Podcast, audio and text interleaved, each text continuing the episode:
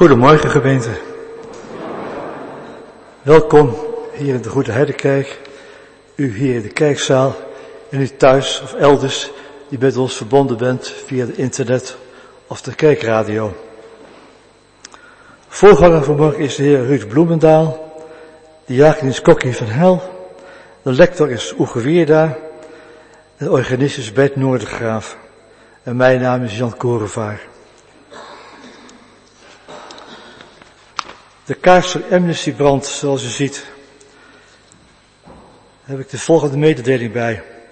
Steek een kaars aan in het duister en zij vrede waar je gaat.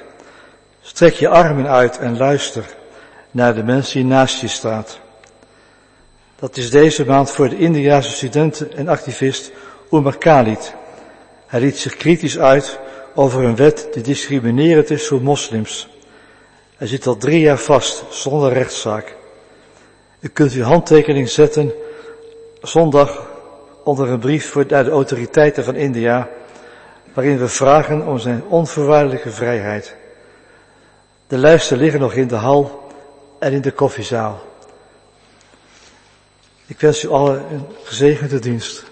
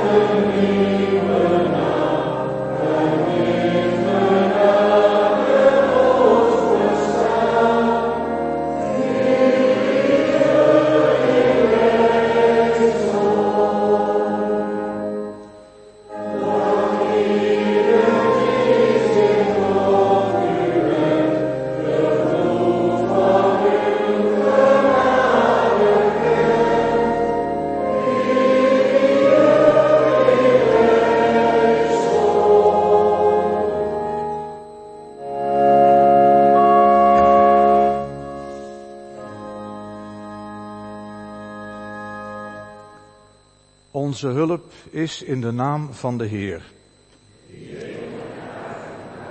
Die trouw blijft tot in eeuwigheid. En die nooit laat varen.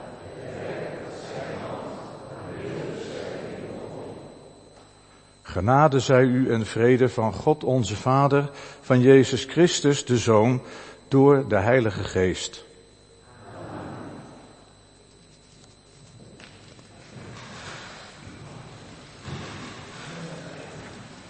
We zullen samen bidden. Heer, we komen tot u om u te danken dat we ondanks onze feilbaarheid hier samen kunnen komen. In de wetenschap dat u met ons verder wilt. Door alles heen mogen we op uw aanwezigheid vertrouwen. Daarom bidden we, Heer, ontferm u. We danken u dat we in alle vrijheid ervoor gekozen hebben deze dienst bij te wonen. Dat we blij, opgeruimd mogen zingen, kunnen luisteren naar woorden, naar gezang, muziek en bidden. Dit alles tot eer van u. Daarom bidden we u, Heer, ontferm u. Heer, we bidden u voor de mensen die we hier misschien verwacht hadden. We weten niet altijd waarom ze niet gekomen zijn. We weten wel dat zij in gedachten nu met u en ons verbonden zijn. We weten ook dat wij het zijn die in uw naam naar deze mensen hebben om te zien. Daarom bidden we u, Heer, ontferm u. Heer, we bidden u om een gezegende dienst, waarin we stil mogen staan bij uw werk en uw weg, die wij mogen proberen te volgen. Heer, wees met en bij ons. Daarom bidden we u, Heer, ontferm u. In en door Jezus Christus. Amen. Van hetzelfde gezang 281 zingen we de verse 6 tot en met 10.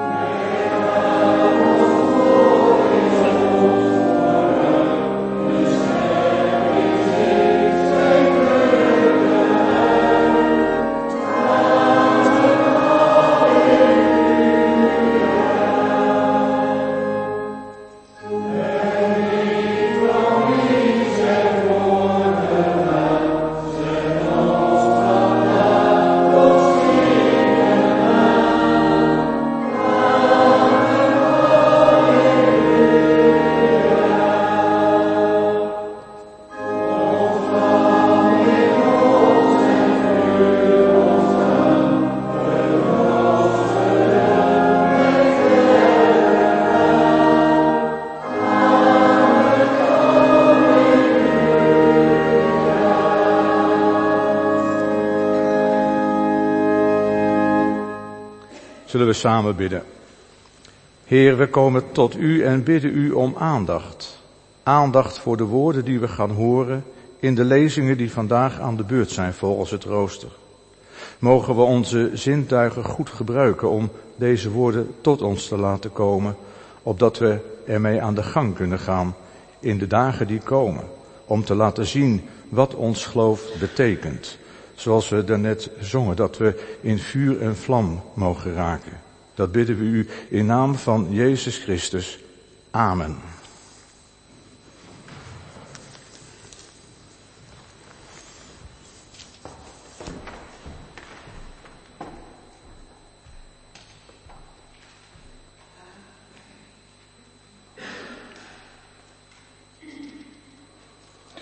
De eerste lezing van morgen is uit het boek van de profeet Jezaja, hoofdstuk 45, de eerste zeven versen.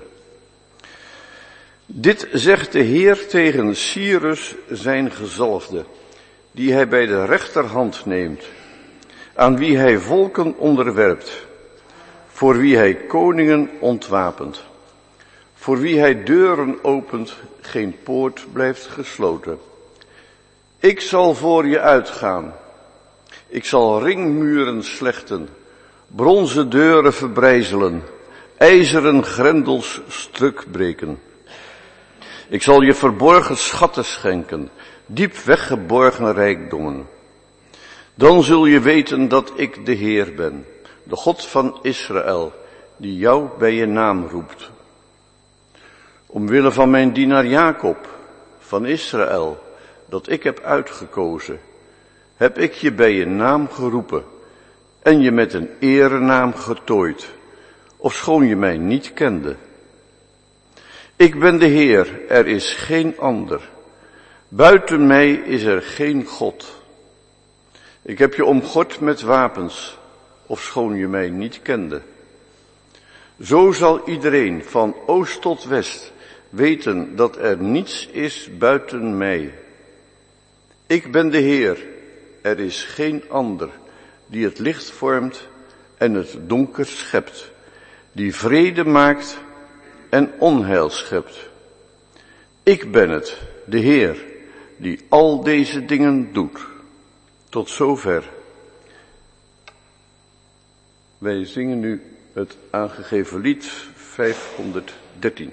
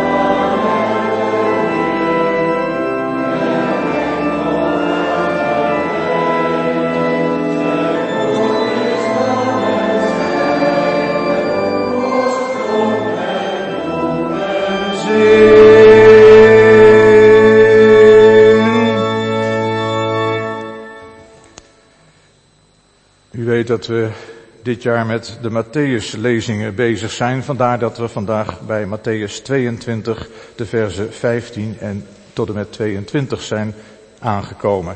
En beide lezingen komen uit de nieuwste Bijbelvertaling 2021. Boven dit gedeelte staat debat met fariseeën, Herodianen en Sadduceeën.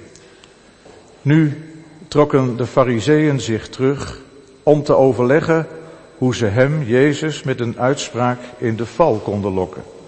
Ze stuurden enkele van hun leerlingen samen met een aantal Herodianen naar hem toe met de vraag, Meester, wij weten dat u oprecht bent en in alle oprechtheid onderricht geeft over de weg van God.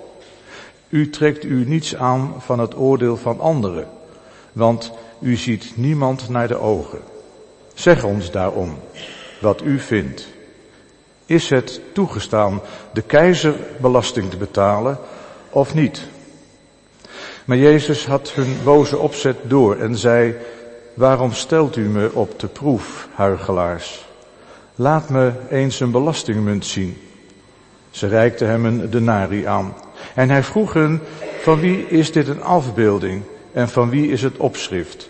Ze antwoorden, van de keizer. Daarom zei hij tegen hen, geef dan wat van de keizer is aan de keizer en geef aan God wat God toebehoort. Ze waren zeer verbaasd toen ze dit hoorden. Ze lieten hem met rust en gingen weg. Tot zover de woorden uit Matthäus. Wij zingen lied 422. Laat de woorden die we hoorden.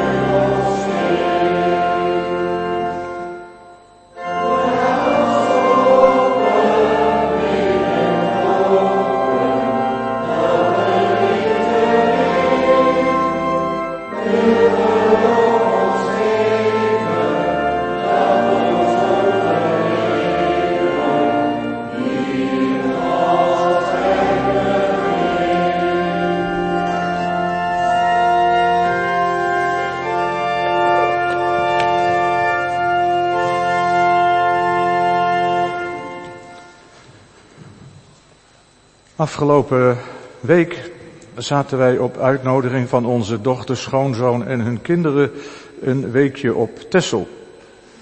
Voordat we daar naartoe gingen, probeerde ik me al een voorstelling te maken van dit eiland, maar dan met 1,2 miljoen inwoners.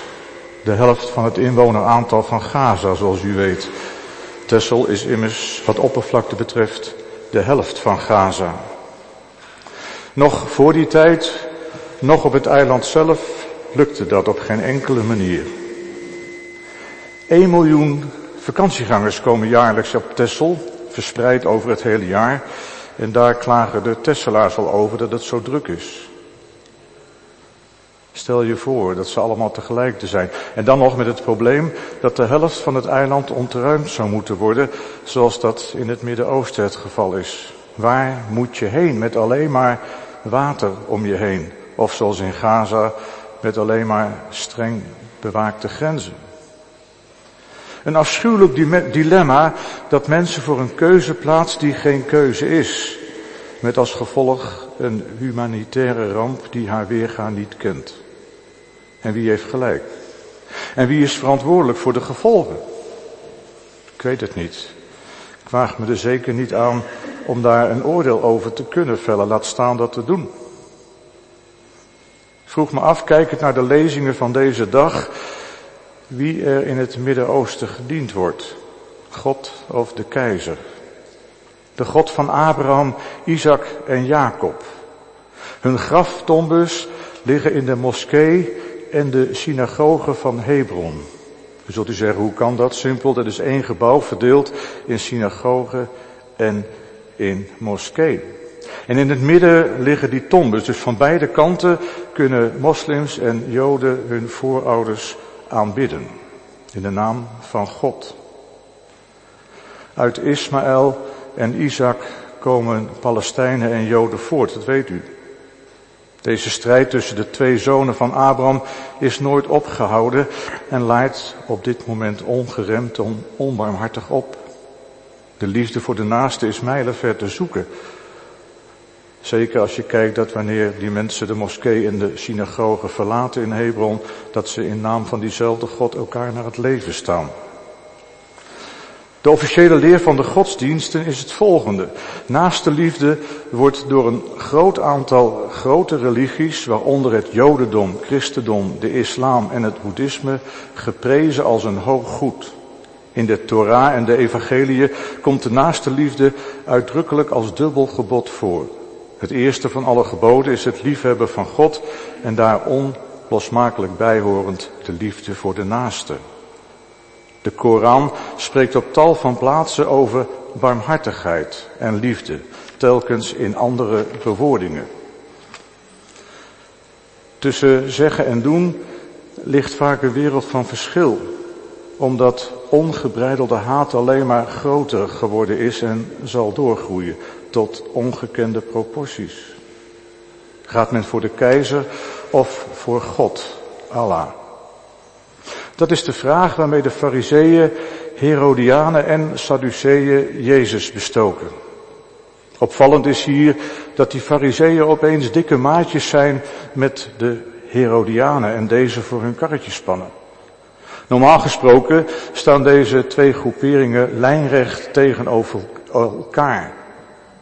Herodianen worden niet vaak genoemd in het Nieuwe Testament en hier bij Matthäus is het de eerste en tegelijkertijd de laatste keer. Ze zijn partijgenoten van Herodes, maar dat kunt u zelf ook raden. Zij verdedigen de Romeinse orde, immers hun baas is vazal van Rome. De fariseeën zien de Romeinen als onderdrukkers en